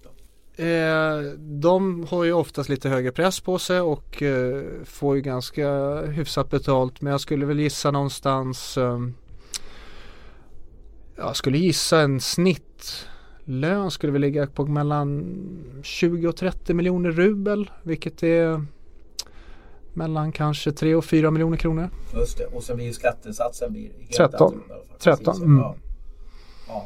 Det är ju det som är stora skillnaden. Ja, Men, men Ruben har sjunkit i värde. Alltså, det är inte lika lukrativt idag Nej, med så är det ju. Weinhandel och Mårtensson. Nej, de var ju verkligen där i rätt tid. Samtidigt så tror väl jag att de har ju nog kompenserat lite för det, kanske inte fullt ut, men att lönerna för oss importer kanske är lite högre nu än vad det var då på grund av att, att eh, valutan är så pass låg. För den har ju gått ner, ja kanske inte 50% som det var ett tag, men det är väl säkert en 30 i alla fall, 35. Mm. Och hur funkar lönerna? Får du precis som i Sverige, den 25 kommer in på ditt konto och så står det massa rubel där. Eller? Ja, vi- får lön varannan vecka, två, Varannan gånger, vecka. två gånger i månaden. Eh, och vi får inga statements, alltså vi får inga liksom sådana här specifikationer där det står utan det kommer ett sms på telefonen bara Så sådär. mycket sms. där. Precis. Så det kommer sms eh, att nu har du fått lön. Och funkar alltid det? Eller, eller du vet ju själv, man har en mytbild att man, man läser alltid att nu har de inte fått lön på en månad och de ligger efter och sådär. Är det, är det en felaktig bild att, att man... Nej, det, det är det absolut inte. Eh, jag har haft turen att spela i klubbar som har skötts exemplariskt. Jag, har, jag tror inte de har missat en löneutbetalning till mig. Jag har spelat i Severstal och, och Lokomotiv och eh, de har inte varit sen en dag. Inte en timme ens höll jag på att säga. Men, eh, så de har, de, jag har haft turen tror jag att spela i klubbar som är extremt professionella och måna om att göra rätt för sig. Sen, sen vet jag att det finns en hel drös med klubbar som Ja det finns några klubbar som är skyldiga folk från förra året. Eh, Zagreb har jag hört bland annat har skulder från förra året liksom. Och, eh, det är många klubbar som ligger efter betalningar. Oftast så funkar det att de får sina pengar till slut men de är oftast sena. Ja, det är där man... Det där man det är, men igen, du är i Jaroslav och om du jämför med Frölunda så är det ju en välskött förening. Ja, precis. Skulle de börja strula lite så, så, så får man inte kanske... Man blir, får inte samma goda rykte hos spelarna då. Exakt. När du får lön, lönen då, är det så här som man har hört att vissa tar ut allting direkt och in på svenska konton för att man är lite rädd för att bli av med pengarna? Nej, eh, det tror jag väl också är en bit som eh, har utvecklats. De har ju onlinebanker där och borta och hej och hå, men där gör man lite som man vill höll jag på att säga. Men jag, jag brukar skicka hem mina pengar och så har jag det hemma i ett eh, rubelkonto hemma. Och sen växlar jag det när jag tycker att kursen är är bra, så pass precis. bra.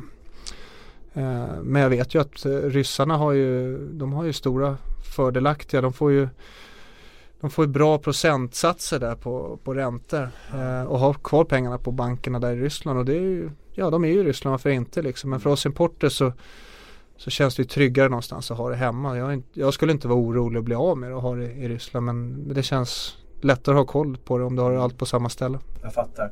Hur, har man bonusen som här i Sverige eller hur, hur är det din lön? Punkt spelar ingen roll om du är, blir vald till årets gentleman som du varit här i Mm. KHL. Eller har du, har du också, för jag, de försöker kopiera NHL och NHL, NHL har ju extremt mycket bonusar för dittan och dattan.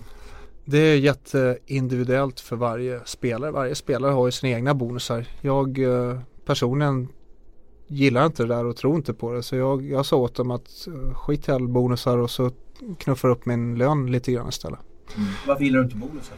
Nej, jag tycker att eh, framförallt som kapten, men jag, jag har aldrig känt liksom att eh, skulle jag ha, få massa pengar för att jag gör mål och assist eller är inne på mål fram och tillbaka så, så tror jag att man, man börjar fuska och man börjar tänka på det. Och jag har sett det ett flertal gånger när det låser för spelare bara för att jag måste göra 10 mål, jag måste göra 20 poäng eller vad det här. Och jag, vill inte, jag vill fokusera på mitt spel och sen om jag gör 10 eller 20 poäng så jag kan vara lika nöjd med sättet jag spelar på med 10 poäng eller 20 poäng. Och ibland, alltså jag är samma spelare oavsett, tycker jag. Sen vissa säsonger så, så blir det mer poäng än andra men, men så länge jag känner att jag levererar på samma nivå spelmässigt så är det det som är det viktigaste.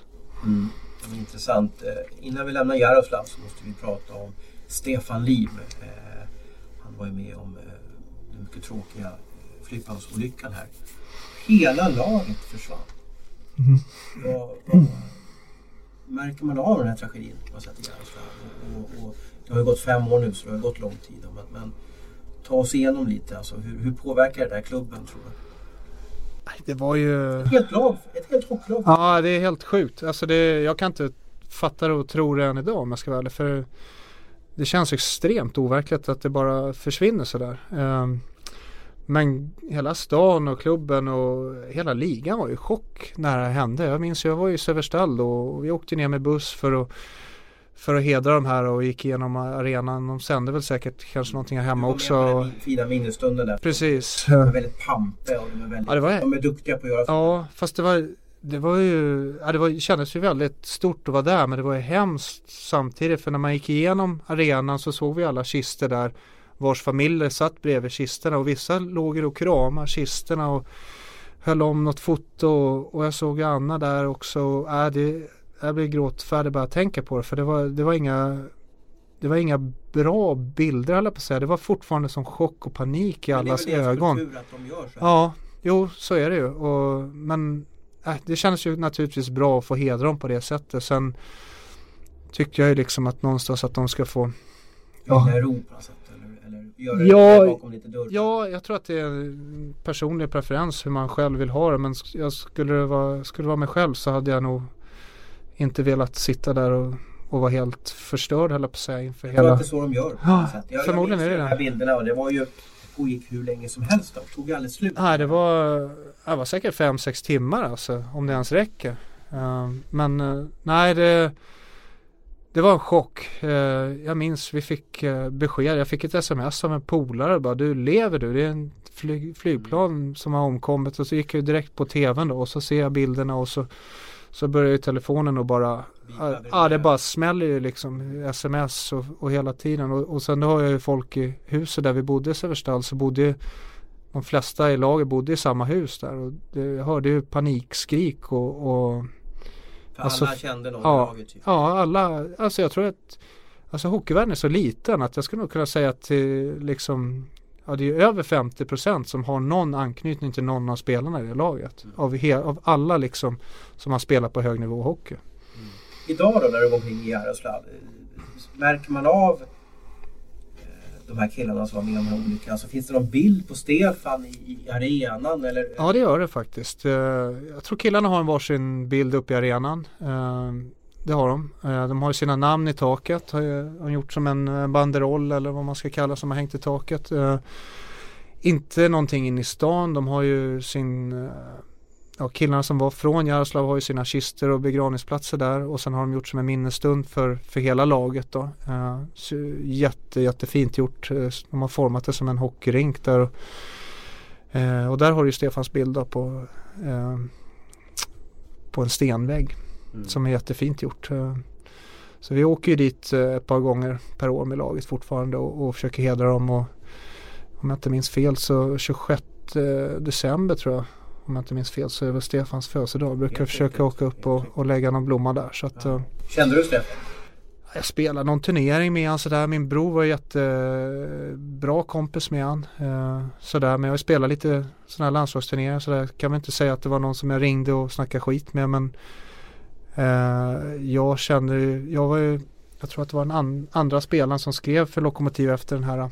kraschen. Eh, så jag, jag, kände ju någonstans att att uh, det var rätt för mig då att hamna i Jaroslav. Jag hade ett par storklubbar till som jag kunde välja mellan men, men just då och där så kände jag att äh, men jag kan ju inte gå någon annanstans. Det känns för att inte... hjälpa staden tänkte du på? Ja, dels, dels det men det är, det är så stor hockeykultur, hockeystad. Eh, det har ju bara raserats hela deras värld och jag tyckte någonstans att, eh, att det skulle vara häftigt att börja den här eh, resan från noll liksom. Eh, samtidigt som att det var, det var ju tufft alltså. Det, det var ju grymt känslomässigt att gå in i deras omklädningsrum där, där man vet att de har suttit. Och jag bodde ju i mitt, mina två första år bodde jag i en lägenhet som Pavel Demitra hade bott i och det kändes, bara det kändes så här jättekonstigt. Eh, svårt att kanske förklara och sätta ord på men eh, det var en jätte, hela den där första säsongen var det var nog liksom någon mystik och det var lite konstigt över den på något sätt som jag inte kan riktigt förklara. Mm. Ja, tråkigt. Eh, eh, sådär. men jag tycker också det är intressant att, berätta det här för de som, som lyssnar. Kanske inte känner till olyckan så mycket. Och det var ju så, vi, vi följde ju det här från distans i Sverige. Jag hade jättegärna åkt till Jaroslav och kikat på den här platsen. Där, där flyget gick ner. Ja, det är du, magiskt. Du har på flygplatsen. Här. Ja, ja, det är... hur liten det var och så var det något som gick fel där med, med flygplanet så ner i en sjö precis utanför. Ja, de har gjort det jätte, jättefint. De har ju en minnesplats vid själva olycksplatsen. Eh, där de, ja, det, jag tycker det är blommor konstant varje gång man åker förbi där. Så, så hänger det blommor och nya halsdukar och, och ljus och allt vad det är. Och, och även begravningsplatser som jag sa, de har gjort eh, väldigt flådigt och respektfullt. Mm. Ja, vad kul att du har fått möjlighet att vara kapten för det här laget också. Och hur bra är ni då? Om ni har ni chans att vinna eller är det eh, Ja, alltså Nej, kört är det absolut inte. Sankt Petersburg har ju ett, eh, ett All-Star team. Alltså det är inget att sticka under stolen med. De har ju en femte line som förmodligen går in som en första eller andra line i vilket lag som helst i ligan. Så att de har ju verkligen gått all in för att vinna i år och eh, allting talar väl i nuläget för att de kanske kommer göra det. Men eh, man ska spela om det också och jag tycker väl att eh, från våran konferens så ska ju det är ju det är vi, CSKA, som Torpedo möjligtvis eh, som, som har en chans att rå på dem och eh, det ska bli eh, intressant att se när slutspelet kommer vilken, vilken runda vi får dem men vi, vi förlorade mot dem i fjol eh, 4-1 och då, då var det vi som kom tvåa i ligan och de kom, eh, de kom ju sjua tror jag eh, om jag inte minns fel. Uh, och, och, de slog ju oss. Uh, det var ju inte underläge. De, vi hade lite otur med lottningen tyckte jag. För de, alla visste att Sankt Petersburg är mycket bättre än, än deras placering. Ja.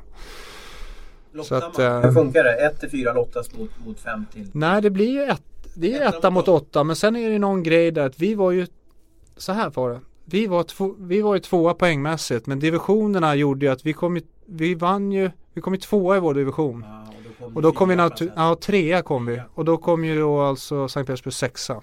Så måste det ha blivit. Och då fick vi... Näst bästa laget, då hade ni kunnat få ett lag sju då. Precis. Om man nu såg på poängmässigt skulle vi ha fått ett annat lag. De följer ju en och en rakt av Exakt. Exakt. Ja, får jag önska lycka till mm. Eh, i resten av säsongen i KHL. Vi träffas ju här under Karla Tournament som jag sa. Eh, och jag har bevakat Tre Kronor i många år. Eh, och jag märker att bilden utifrån på Tre Kronor, nu har ju World Cup var ju, var ju en succé, tufft att, att laget torskade i semifinalen där, men jag märker att intresset för VM har sjunkit. Hur ska vi göra för att det ska bli, det ska bli röj och fart runt Tre Kronor? Eh, jag tror ju att hur man än vid och vänder så kommer det finnas de som är negativa och tycker att ja, men det här är ju inte bästa laget och det är hej och hå, Men det finns alltid de som kommer vara negativa och även om vi skulle sätta World Cup-laget i fyra turneringar under säsongen så skulle folk gnälla på det. Det är jag helt övertygad om. Eh, jag tycker att det är, jag vet inte om jag får kalla mig själv som veteran men något eh, ja, äldre gardet i alla fall får jag kalla mig. Jag tycker det är skitkul att, att se de här unga killarna som som kommer in hela tiden och, och som, som är redo, de är färdiga liksom och, och, och sen ser man jättemånga som, de spelar ju NHL idag. Jag har ju sett många av de här killarna som kommer upp och kanske bara gör ett år med landslaget och så försvinner de sen är de bra spelare i NHL. Så jag tycker att det är en jättehäftig resa att få, att få vara med och, och se de här killarna och, och spela med dem. Sen hur man ska sälja inför, um, inför svenska folket, jag har inget bra svar på det utan jag tycker ni i media har ett jättestort ansvar att, att liksom göra en positiv bild och, och sälja, sälja sporten. Att liksom kolla vad intressant den här killen, om man kan ta upp lite historik på killar som som kanske bara spelat ett år i landslaget, eller gjort ett VM eller gjort till och med bara någon landslagsturnering som jag menar, det finns extremt många unga killar som spelar i NHL idag som, som kanske inte ens gjorde en landskamp. Mm. Det visar ju att SHL är ju en grymt bra liga och de här killarna som kommer upp är ju inga, det är inga dussinspelare liksom. Mm. Men du tycker att det är för många matcher? För nu möter ju ni Tjeckien i Tjeckien och så åker ni till Finland och möter Finland och Ryssland där är, är det för många landskamper en säsong som gör att när det väl är en landskamp att man ser det som en träningsmatch? Eh, vi som spelare ser det inte som en träningsmatch Nej. utan de här turneringarna är viktiga. Hur ser ni som spelare? Ser ni att det chans att slå in i VM-truppen eller att vinna Eurohockey Tour? Hur, hur, Jag tror att, eh, att det, du kommer nog få olika svar beroende på vilken spelare du frågar. Eh, jag tror att vissa ser det som det här är jättebra inkörsport för mig för att få ett nytt kontrakt nästa år. Det är en bra marknad för mig att visa upp mig jag tror andra kanske tänker att att uh, den här turneringen ska vi gå in och fan vi ska vinna. Och jag, jag, jag tror att det finns liksom olika Varför är du med? syner. Jag är mer, för jag tycker förbannat kul att spela hockey. Jag, an, an, antingen så är jag Jaroslav och tränar två pass om dagen eller så spelar jag med tre kronor på bröstet och, och, och får möjligheten att spela med de här unga killarna som gör jättebra i SHL och, och någonstans integrera dem i vad, vi, vad landslaget försöker göra och jag menar jag kommer kanske inte finnas uh, kvar i landslaget så, så länge till och då är det de här killarna som ska ta över och, och leda den där processen vidare och uh, då måste de ha en bra inkörsport för att kunna göra det. Mm. Eh, du har varit med i många VM också Staffan och, och, jag vet att vi har stött på varandra många gånger under VM. Och tyvärr så blir många rubriker under första veckan av ett VM handlar om nej tack till kronor, det vill säga alla mm. spelare som tackar nej. Förstår du att en spelare tackar nej? Eller är du en som tror att man, nej, man ska alltid tacka ja till, till det finaste landslaget man har för man måste betala tillbaka. Hur ser du på det nej tack? Betala tillbaka det tycker jag är ett, eh, det är fel ord att använda. Jag tror att i vissa fall, som vissa nej tack tycker jag är obefogade, tycker jag är bullshit rent ut sagt. Och andra vilka fall... Vilka, du behöver inte prata om någon spelare. Nej. Vad, vad finns det för anledningar för, eller vilka är fel? Nej men äh, Alltså om jag, om jag säger så här, rimliga anledningar som jag, som jag köper fullt ut det är att de spelar 82 matcher, man har många skavanker, det är sällan du har en 100% kropp efter en 80, 80 matcher. Eh, du kanske är familjeskäl, du ska bli pappa eller du, har, du ser, eh, ja du kanske inte har träffat familjen tillräckligt känner du. Eh, sådana anledningar kan jag tycka att det, det kan jag tycka är okej. Okay. Eh, sen kan jag ju känna någonstans att är det familjära skäl så kan jag känna att man från landslagets sida kan gå in och hjälpa. Du, du kan ta med familjen. Vi, vi står för det kalaset. Uh, och det förmodligen är det ju ingen pengafråga för de killarna tjänar ju pengar utan mer en, en logisk ställe att vi, vi ser till att ni får bo kanske, du får ett eget rum och så får du ha familjen i rummet bredvid. Alltså någonting sånt här va. Uh, men i vissa fall motiv, motivationsbrist tycker ju vissa att äh, jag är inte motiverad. Och, ja, alltså jag, är man inte motiverad ska man inte komma. Sen kan jag ju tycka att det i vissa fall är konstigt att man inte är motiverad. Men det, det måste ju alla få, få svara för sig själv liksom. Det tror jag är, det, mm. det kan, jag kan ju inte tala om för någon annan känner utan Du som är i Ryssland nu, varför kommer de ryska spelarna alltid på VM i stort sett? De har inget val. Är det så eller? För du vet ju Ovechkin, det är ju knappt så att han har hunnit duscha mm. efter Washington då som vanligt blev utslaget i Stanley Cup. Så vips sitter han på ett flyg. Här. Ja, nej men det, de, jag ska inte säga att de inte har något val men mm, mer eller mindre är det så att okay. de, de, de, ser en extrem, de har en grym stolthet för att spela för sitt land. Har vi samma stolthet? Nej, jag tycker inte det. Eh, det är ju ganska svart på vitt här. Eh, sen ska det ju inte sticka under stolen med att de, de får ju, de har ju löjliga bonusar och sånt här men killar som oftast kommer till VM från NHL handlar inte om pengar. Va? Där eh, på VM. Precis. Då var det ju Moskva här, det var ju hans eh, nation. Då, men men eh, de får ju lite liksom grädde på moset och de, de blir eh, Ja, de, de har en stolthet att spela för landet samtidigt som så kräver landet att de ska ställa upp om de inte är skadade så har, då, är det, då kommer du liksom. Hur får vi mer stolthet då?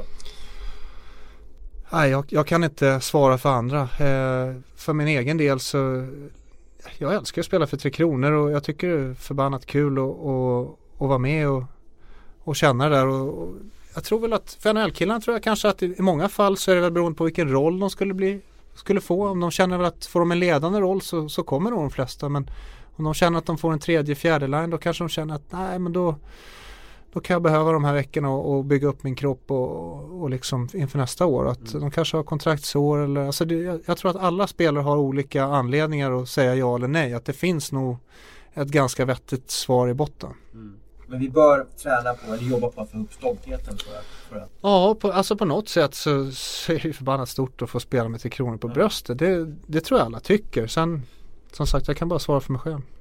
Är det så här också, jag bara känner att det är så att det är som en dominoeffekt. Att, att i våras hade Oliver Ekman Larsson och vem var det kanske Erik Karlsson, som, de gick ut ganska tidigt och, och, och sa nej då. Hade de tackat ja, hade de andra hängt på då för att oj, den kommer. Lite som när Sudden på gamla dagar, när han kom till VM. Han kommer väldigt ofta. Då hängde alla på för att ja, är Sudden med, då, då kommer vi också. Ja, jag Kollar tror... man det, oj är han där, oj är han där, men då vill jag, nu blir det roligt. Jag tror absolut, för NHL-killarna tror jag att det betyder jättemycket att eh, har vi en chans att vinna? Har vi en potentiell chans att vinna den här turneringen? Eh, det tror jag är jätteviktigt för många att de ser liksom det kommer bara tre NHL-killar liksom, vi kommer få det jobbigt. Mm. Eller att fan, vi får ett riktigt bra lag. Idag, I år kommer vi vara med och faktiskt ha en möjlighet att vinna. Det tror jag är en jätteavgörande faktor, absolut. Sen med facit i hand så är det ju inte alltid så att det bästa laget på papper vinner. Det har vi ju, har ju liksom sett på all, kan man titta tillbaka på flera mm. decennier säkert och se att, att det är ju skrällar höger och vänster. Va? Men jag tror att alla vill känna att de har en bra chans att vinna. Mm. Vad är skillnaden? Rickard Grönborg, ny förbundskapten. Du har haft honom som assisterande förbundskapten. Vad är skillnaden under hans Tre Kronor och under Per Mors Tre Kronor? Ja, så nu, vi har gjort en träning, vi hade samling igår. Så att ja, det är jättesvårt att sätta fingret på. Men eh, Rickard som person och eh, människa, vad jag liksom tror och, och som kommer hända, de små förändringar som kommer ske, tror jag väl att han är extremt tydlig om vad han vill och han har ju han är ju en hockeynörd utan dess like. Han, han har ju koll på, på varenda decimal eller på säga. Man mm. kan ju allt om statistik och procent och höger och vänster. Va? Så att jag tror inte han kommer missa någon, eh, någon detalj i spelet om jag säger så. Utan eh, jag tror att, att han kommer vara extremt tydlig och eh, han ställer stora krav på oss. Mm. Mm. Ja det är nog Rickard. Sen behöver han få en framgång och jag ska vara eh, eh, lite hockeykritiker här. Alltså World Cup så vart ju sådär till slut effekten. Då var ju Team Europe bättre. JVM något år här också gått åkt ut lite för tidigt. Så han behöver en, en liten framgång där som förbundskapten. Det tror jag skulle vara bra för hans karriär i alla fall. Ja, alltså det tror jag alla behöver. Eh, jag tror väl inte att det är något snack om att han inte är kom kompetent för positionen. Man behöver lite tur, häng med och menar. Mårtsson ja, men så är det. guld i, i hockey. Efter det vart han ju liksom odödlig. Ja, Ja men så är det ju. Alltså det är, du kan ju ha ett kanonlag utan att vinna. Till, alltså World Cup, ska man vinna mot Europe? Ja, kanske om man ser på pappret men man spelar ju fortfarande mot ett förbannat bra lag. Ja. Och, Nej, där missar vi nog att om vi gick spelare för spelare så märkte att oj då, det här mixlaget som fick en negativ klang var ju inte så dåligt. Nej. Nej, och sen så är det ju liksom, det är lite slumpen som man förlorar den matchen på. Det är ju, mm.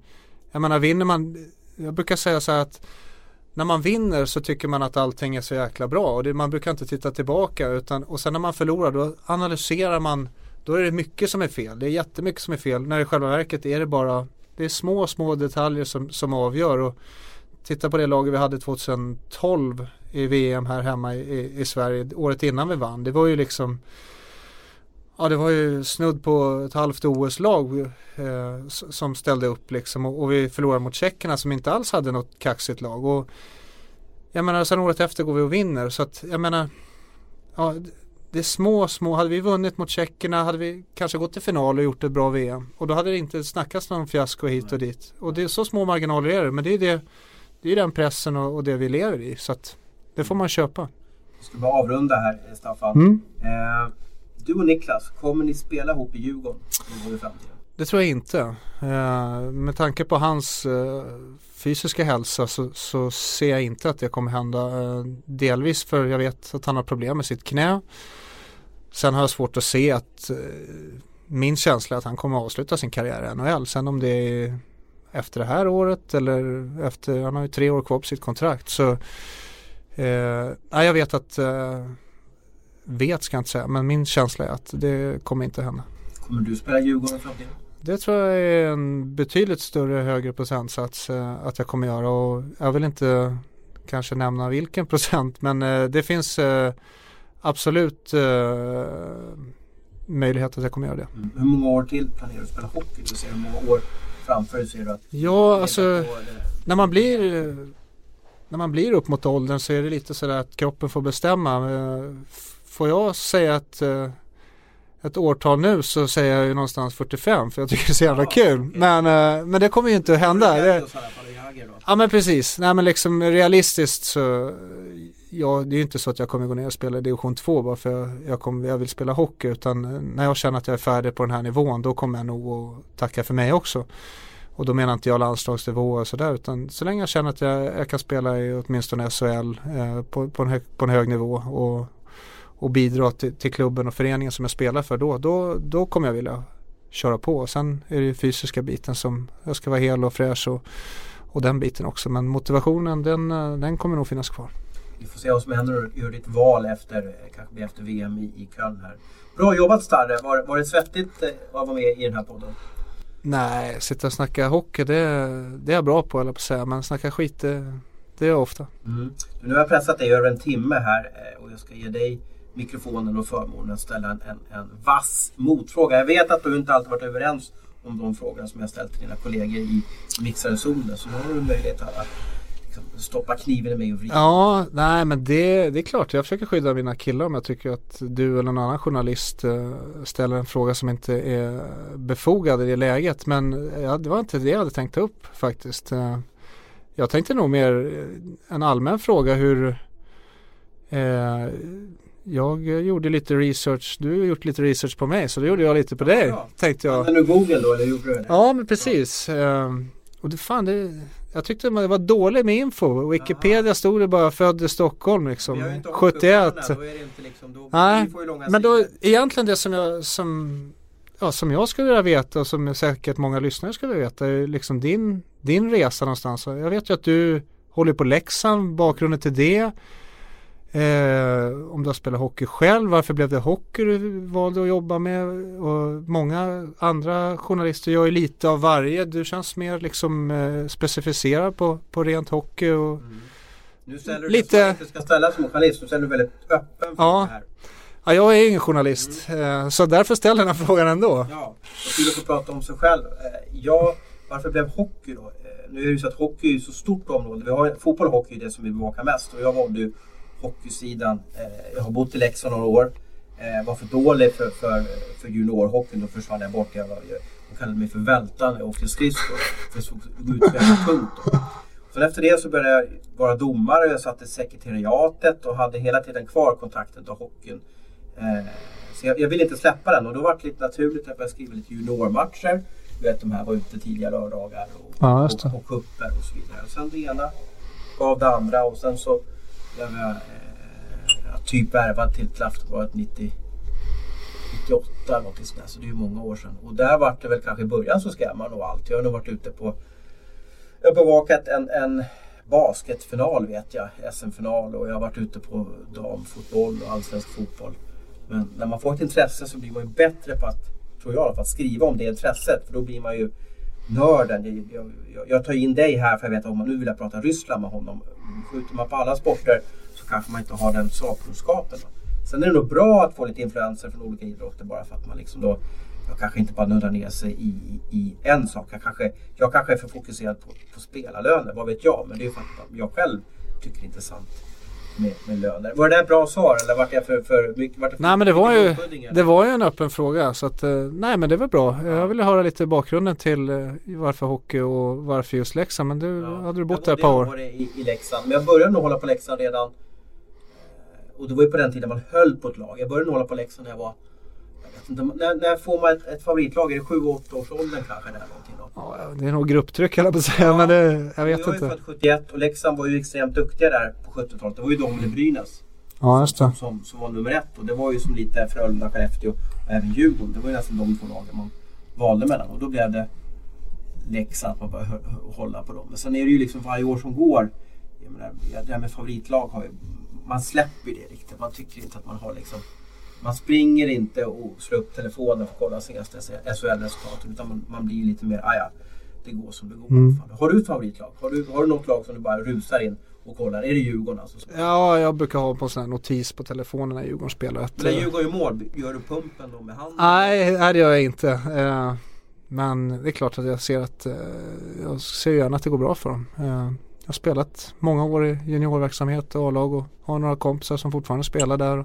Håller du på något lag i NHL?